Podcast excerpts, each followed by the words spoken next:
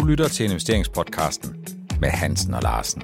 Stedet, hvor de private investorer uge efter uge bliver opdateret på investeringstendenser i øjenhøjde.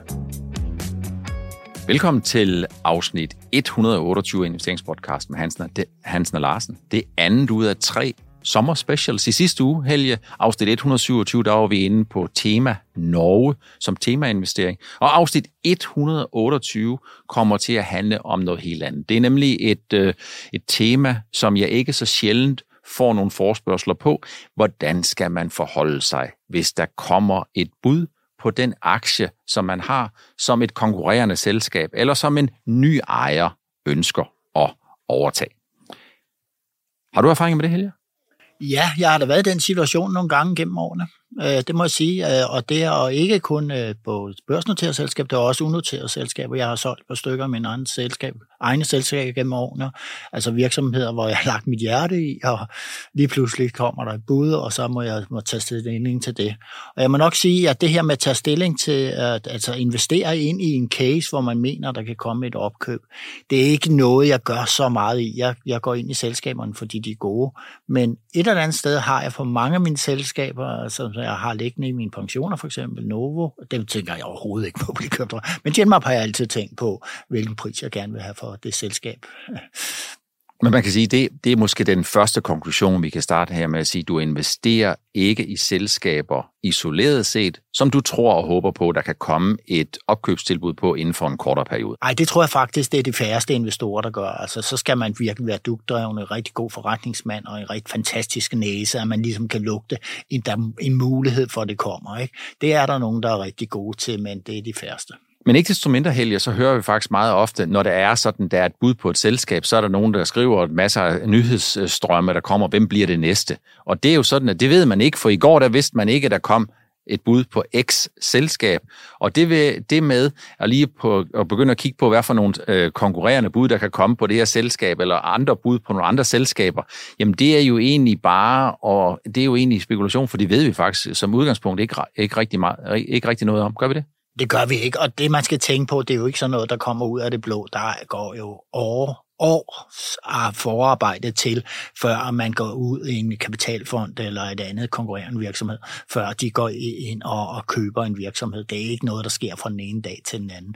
Jo, det sker i Norge af til, men der er de jo meget hurtigere øh, øh, ved indgangen og udgangen end, end alle andre steder. Så et par konkrete eksempler, Helge. Du har et par konkrete eksempler, hvor du har været involveret i nogle selskaber, du har investeret i nogle selskaber, som så endte med at få et købstilbud. Ja, jeg kan, en af de ting, jeg tænker på, det er det her diagnoseselskab øh, Exicon, øh, som tilbage i 2016 øh, blev købt af børsen af, en hold, af et hollandsk selskab. Og da budet kom, jeg tror det var i april måned der, så øh, øh, øh, anbefalede ledelsen, at man sagde ja til det her bud på 18 kroner aktien. Men jeg havde inde på ProInvestor sådan kvæg, at der mange interesserer sig for biotek, så havde jeg rigtig mange, der interesserede sig for det Exicon. Og det må jeg nok sige. De vil ikke, de vil ikke sælge. Det kunne overhovedet ikke komme på øh, Ekin, Exicon. Exicon, ja. Det kunne overhovedet ikke komme på tale. Så de laver en gruppe, en privat investorgruppe, der, for man skal jo op på 90 procent øh, for... For, at, øh, for man kan tvangsindløse. Ja, ja. Øh, og, og de protesterede meget og gik i medierne og alt muligt, men, og ledelsen, den danske ledelse gik simpelthen ud og talte med den her gruppe, og større, større, stolpe op og døre ned, ikke? Altså det var Ja, men altså, til sidst endte det jo også med det ikke salg til, til kurs 18. Men det jeg gjorde, det var lige så snart budet kom på de der 18, så, så, øh, så steg aktien jo op til det niveau, og der solgte jeg selv min beholdning. Jeg var ikke en del af den her gruppe, der gik ud, fordi jeg synes, at det var en færre pris. Øh, øh, selskabet havde faktisk ikke rigtig tjent nogen penge, så det var fugle på taget, der lå lidt længere fremme, og så, så er det sådan. Hvis man skal prøve at tage udgangspunkt i den der konkrete case, Helge, budet ligger på 18 kroner, og markedsprisen ligger på 18 kroner. Hvorfor er der nogen, der køber markedsprisen på 18? Lå, lå nede på, den, den lå nede på 16 eller 15 eller så på det tidspunkt. Ja. Okay. Så, så der hvis... var en 40 procents øh, præmie. Okay, så der er en, en, en, en betydelig præmie op til budet, og det er noget, som vi kommer meget mere ind i i afsnit 129 af investeringspodcasten. Jeg kan lige nævne et, et selskab, et, et, et, et, et Novolution. Øh, der kom jo lidt pludselig ud den blå luft, i, var det i 19, der kom simpelthen et bud fra Amgen med en budpræmie på 165 procent. Øh, og den, det lille frimærke, jeg havde, det, det var ærgerligt, det ikke var større. Det solgte jeg også med det samme. Og det gjorde rigtig, rigtig mange andre, og der var slet ikke nogen problemer med, mm. der var ikke noget protester fra nogen. Det var en god pris. Så når du, øh, vi, vi skal lige tilbage til uh, Exicon. Så når kursen er 18 helge, så, øh, så kommer der jo en masse spilfægteri. Der er nogen, som du siger, der er en investorgruppe, som siger, det er alt for billigt. Det er jo egentlig mærkeligt, at hvis der er en aktie, der ligger i kurs 10, så er der lige pludselig nogen, der kommer og byder kurs 18, og så kommer der en lang række interessenter op, som trold en æske og siger, 18, det er jo alt for billigt. Så spørger jeg dig lige lidt lakonisk. Øh, hvis de mener, at 10 er meget billigt, hvorfor kører de så bare ikke nogle flere på 10? Det var det, var det, det, det, det de skulle have gjort ikke, på det tidspunkt. Men altså, ja, jeg, jeg tror faktisk, der var nogen, der var faktisk nogle meget, der var mange private investorer i aktien trods alt, men ATP var også inde, og de anbefalede med det samme, at det, de et salg til kurs 18. Ikke?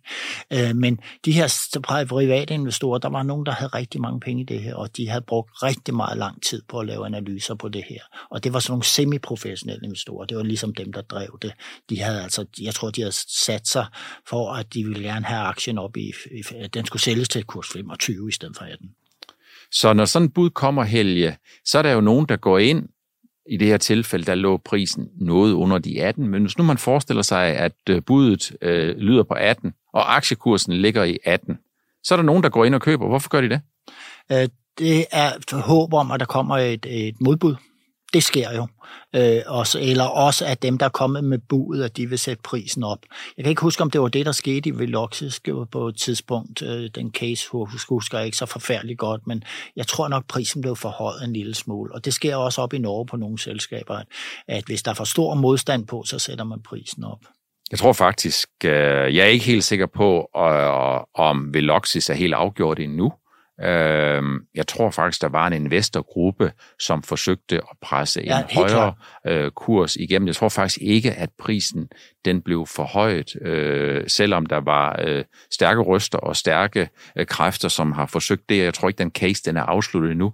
Men dem, der går ind og køber på budet, jamen de øh, spekulerer jo i, at i den periode, der går indtil man fremsætter tilbuddet, indtil tilbuddet bliver accepteret, og indtil man har 90% tilslutning, så man kan tvangsindløse, så spekulerer de jo i enten, at der kommer et konkurrerende bud, eller at, øh, at der kommer et forhøjet bud fra dem, der byder, fordi at øh, den her gruppe, der samler sig, de ligesom er i stand til at få overbevist det, den bydende part om, at øh, det er altså bydende nødvendigt at øh, stille en højere pris i udsigt.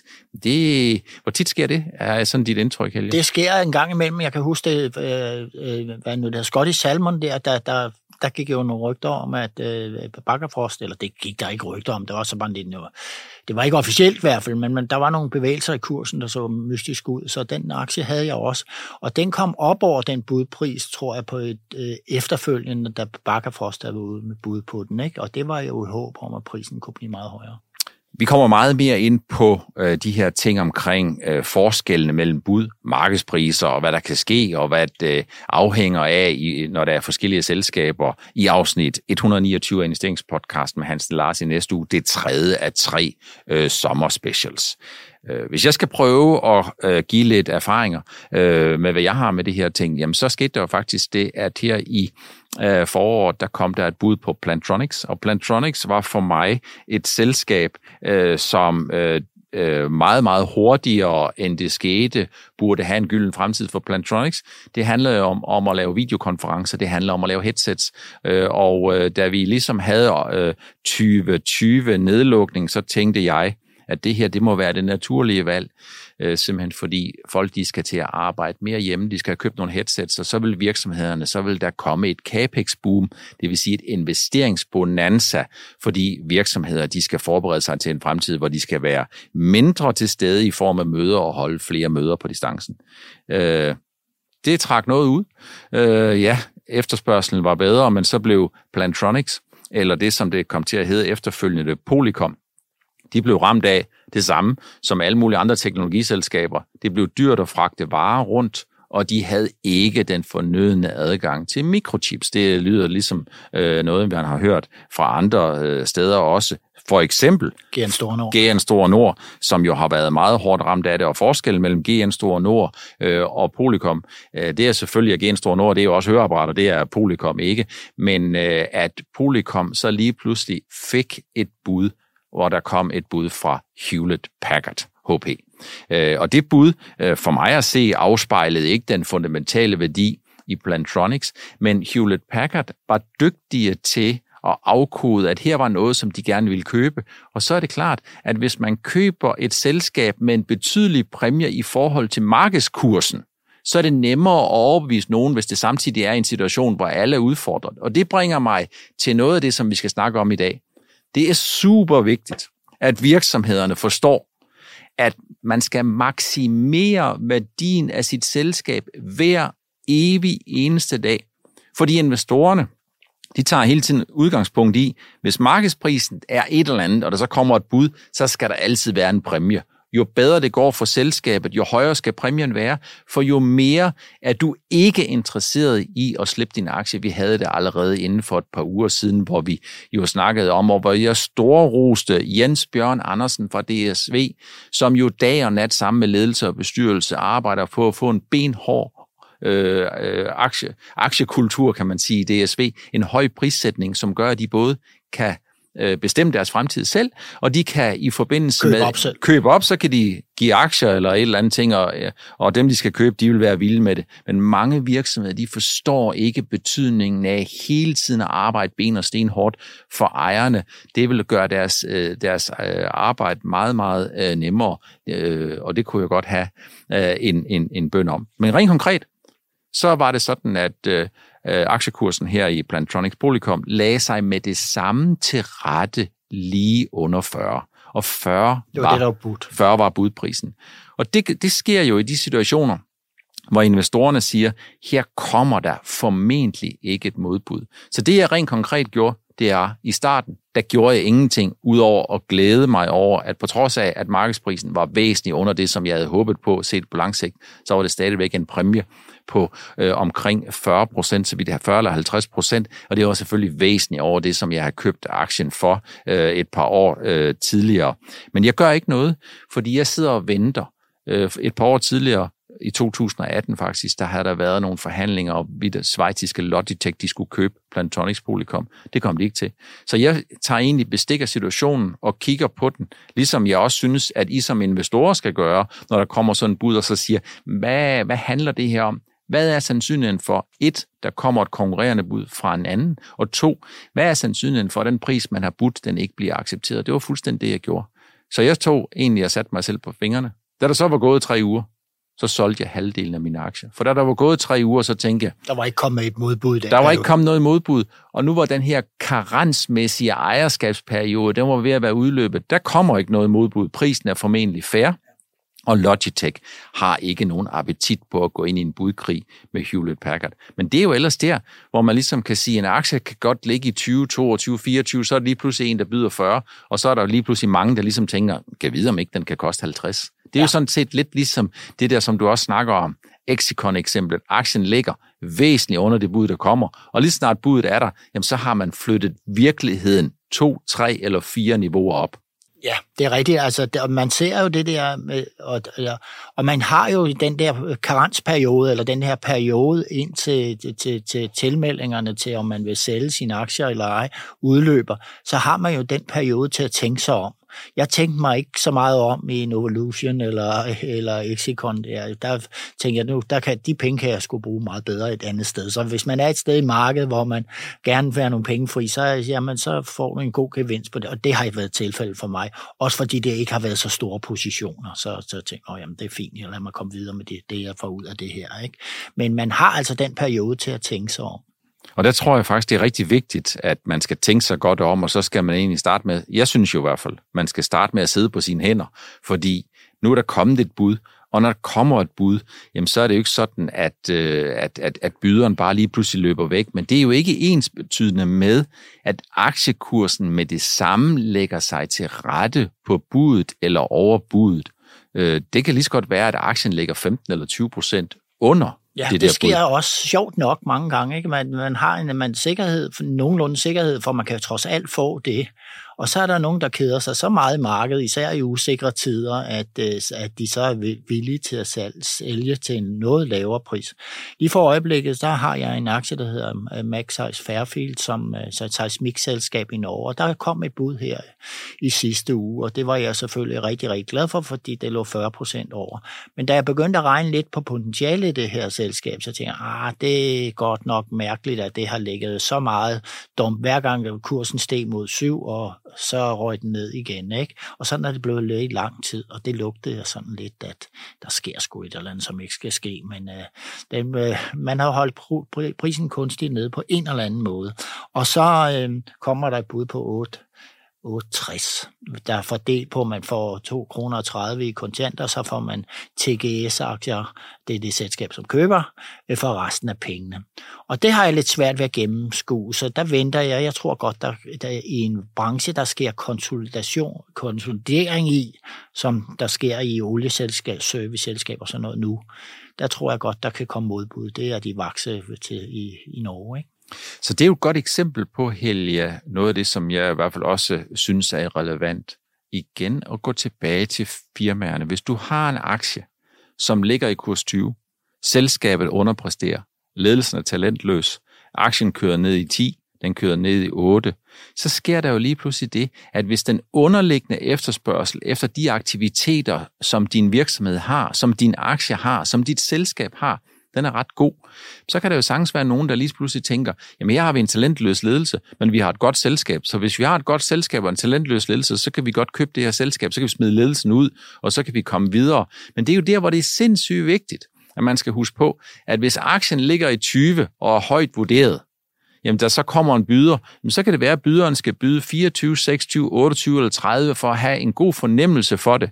Men hvis aktiekursen er blevet dræbt af to nedjusteringer, som har fjernet den sidste optimist i selskabet, og aktien er faldet til 8, så kan det godt være, at der er nogen, der kan slippe afsted med at komme og stjæle selskabet til kurs 10, og så tænker folk, det var sørme dejligt, der slap jeg ud af den her pine. Men i virkeligheden, så er de jo blevet snydt, fordi vi har en ledelse, der som en anden tyv om natten har destrueret værdierne og stjålet pengene. Ja, og det er så ikke tilfældet det her med Maxize øh, Fairfield. Altså, det tilfældet er jo, at man siden 2014 har ligget under vand i alle de her selskaber, fordi man har underinvesteret i oliesektoren.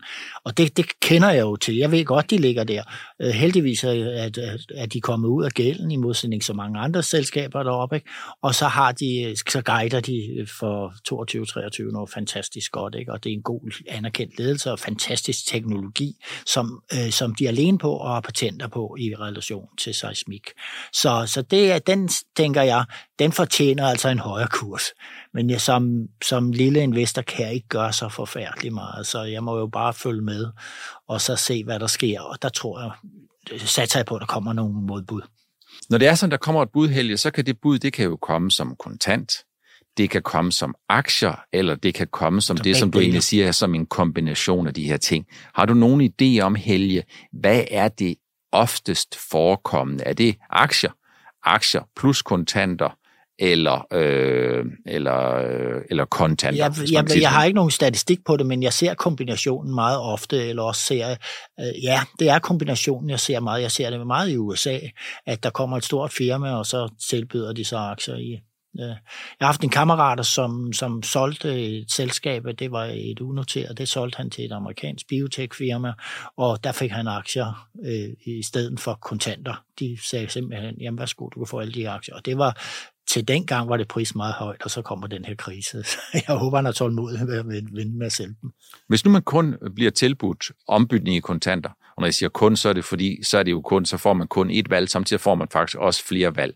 Så ser vi vel ikke så sjældent, eller vi ser ikke så sjældent, Helge, at det selskab, som kommer med et bud på et konkurrerende selskab, dets aktier er noget under pres. Ja, det er og, som regel. Og på den måde, så sker der jo faktisk det, at den pris, man kan få den bliver lavere, end den vil være under normale omstændigheder, hvis aktiekursen forud for budet var repræsentativt for, hvordan fremtiden den ser ud. Det giver vel også sådan lidt nogle overvejelser? Ja, det giver spænding. Øh, det gør det her tilbud, som jeg sidder i det aktuelt det norske selskab her. På, ikke? på Max Size Fairfield. Ja, ja, ja. Øh, der skal jeg jo sidde og kigge på TGS-kursen der. Ikke? Øh, jamen, fremtiden tegner lys også for det her selskab. De er ret markedet dominerende globalt. Så og man, der skal findes mange nye oliekilder her de kommende år. Så, så der spekulerer jeg også lidt i det her. Okay, kan jeg acceptere en lavere samlet pris for min aktie af Maxize, øh, fordi at jeg kan komme med på en rejse i det, det, det købende selskab.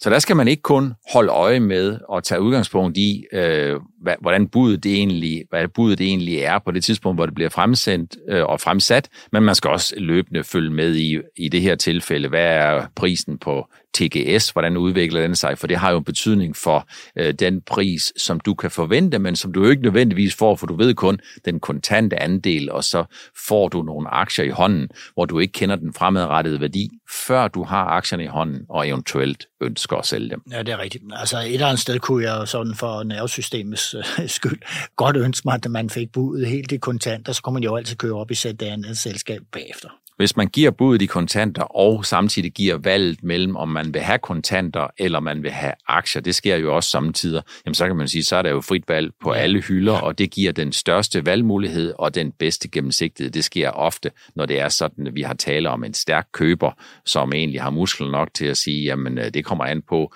hvad du ønsker, øh, og hvad du ønsker, det skal du få. Ja. Jeg kunne godt tænke mig at komme en lille smule tilbage, Helge, til det, som du nævnte med No Evolution og Amgen. Så nu Evolution var jo biotech. Og biotech, det har vi jo snakket en hel del om. Det er 0-1. Hvis det virker, så er det fuldstændig fantastisk. Hvis det ikke virker, så er det ikke så godt. Så er det faktisk ikke rigtig noget værd, fordi der er ikke nogen, der vil købe et produkt, selvom de får 99% rabat, hvis det er et produkt uden virkning. Så er det en, en, en budpræmie på 165 procent, som jeg synes var kurs 30 eller 33 eller 32, 32 eller noget af den stil det er vel, det lyder helt vildt, men i forhold til biotek, så er det vel ikke noget, som vi kun ser en ud af en, altså hver femte år? Nej, det er det ikke. Altså, jeg vil sige, det der er i det her, det var, at de havde, øh, det, det var nogle gutter tilbage fra Novosearch-tiden, og de havde jo taget nogle ting med derfra, som, altså især sådan noget med, hvor man ligesom kunne tjekke op på, om, om det var inden for små molekyler, altså det man kunne lave tabletmedicin. Og der havde de øh, en teknologi til sådan ligesom at sætte øh, gener op mod, øh, mod selve produktet. Så er det et kæmpe bibliotek af muligheder inden for for eksempel kræft og inflammation. Og det var ligesom det der bibliotek, de havde samlet op, som jeg tror, de data der, som, som øh, Amgen var meget interesseret i. Og så var det jo ikke mere end 1,2 milliarder. Og det er altså ikke ret meget, skulle man hilse at sige, når de store amerikanske, engelske eller globale farmaselskaber går ud og handler. Ikke? Så, og, så, men det var det selvfølgelig for, for de aktionærer, der var i selskabet. Så, så 1,2 var det svenske, eller var det danske? Det var, øh, det var svenske, så vidt jeg husker. Det var svenske, så ja. der snakker vi om noget, der ligner en 120, 30, 40 millioner US dollar. Ja. Øh, og det, det er jo rigtig meget, hvis det er dig og mig, som, skal, øh, som snakker om det, men når man snakker om store selskaber, som snarere tæller deres markedsværdier i 10 af milliarder US dollar, så er øh, 120 eller 140 millioner US dollar, det er jo bare et greb om. Ja, altså generelt siger man, de der store farmaselskaber, jamen de lader lige de der små selskaber, de er interesseret i, de lader dem lige løbe så langt de kan, så støder de jo så ofte mod en mur, ikke, hvor de skal skære, ud og skaffe flere penge, og så er det der budet kommer. Det er jo sådan med biotech, og vi har været inde på det rigtig meget, og ikke mindst i sidste sommers tre sommerspecials, øh, øh, sådan bliver du en bedre biotech-investor, at når man øh, er biotech-selskab, så kræver det tålmodige investorer, og det kræver meget risikovillige investorer, fordi den første fundingrunde er den første af flere, og der er en reel risiko for, at man bliver udvandet, og der er en risiko for, at man mister mister investeringsinteressen og mister overblikket og ris- mister risikofornemmelsen.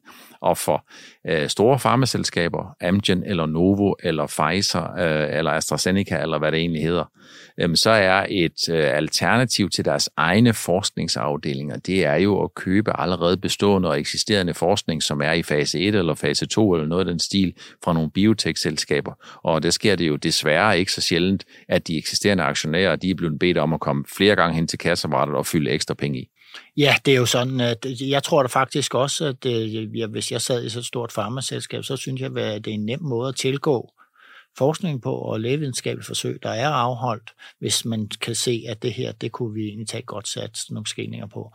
Og farmas, de store farmaselskaber, de har altså rigtig mange penge til det her. Og det undrer mig lidt, at der ikke er sket flere opkøb her, hvor biotech-sektoren har været helt i knæ. Det kan være, at vi kommer til at øh, se meget mere af det, øh, når nogle af de her selskaber de kommer på udsalg. Men husk på, at når biotech-selskaberne får en interesse fra et farmaselskab, så er det ikke fordi prisen den er lav, så er det fordi de arbejder med noget, som selskabet selv tænker, at der er det altså øh, legitimt at tage nogle af forskningspengene fra deres forskning- og udviklingsprojekter, øh, og så sætte i nogle af de her projekter, hvor de så køber et andet selskab, som de har tillid til, at teknologien den virker. Ja, så får de jo rettigheden til, til det, det pågældende produkt efterfølgende, og skal ikke betale royalty eller sådan noget lignende, hvis det er en samarbejdspartner, der køber op. Det er jo det, man, de diskussioner, man og tanker, man har haft rigtig mange øh, gange omkring Genmap. Det var Johnson Johnson, de ville købe Genmap, fordi det var jo oplagt, når man havde det her tætte samarbejde. Og nu har vi så AbbVie inde som partner, stor partner i Genmap. Nu er det lige pludselig to, ikke? Så øh, der sker lidt sådan øh, øh op i hovedet på dem, der har Genmap-aktier de her år. Det er altid bedst, hvis man har flere bejlere om budet. Selvfølgelig, selvfølgelig. Det, det, er, det øger sandsynligheden for, at der kommer et bud, og det øger også, hvis budet kommer, at der kan komme et konkurrerende bud. Ja. Hvis vi prøver at summere en lille smule op, jamen så når budet kommer, så tag det roligt, tag bestik af situationen. Er det sandsynligt, at der kommer et konkurrerende bud, og er det sandsynligt, at den, der byder, kan blive tvunget til at hæve sin øh, pris? Så den initielle rygmavsreaktion for mit eget vedkommende, det er, tag det roligt, Hold øje med, hvad der sker. Vær meget observant. Øh, og hvis kursen den ligger langt under budets værdi, så er der en betydelig skepsis med hensyn til, om byderen vil være i stand til at gennemføre budet, og eller om øh, det er sådan, at øh, det vil blive accepteret af dem, som er aktionærer her og nu.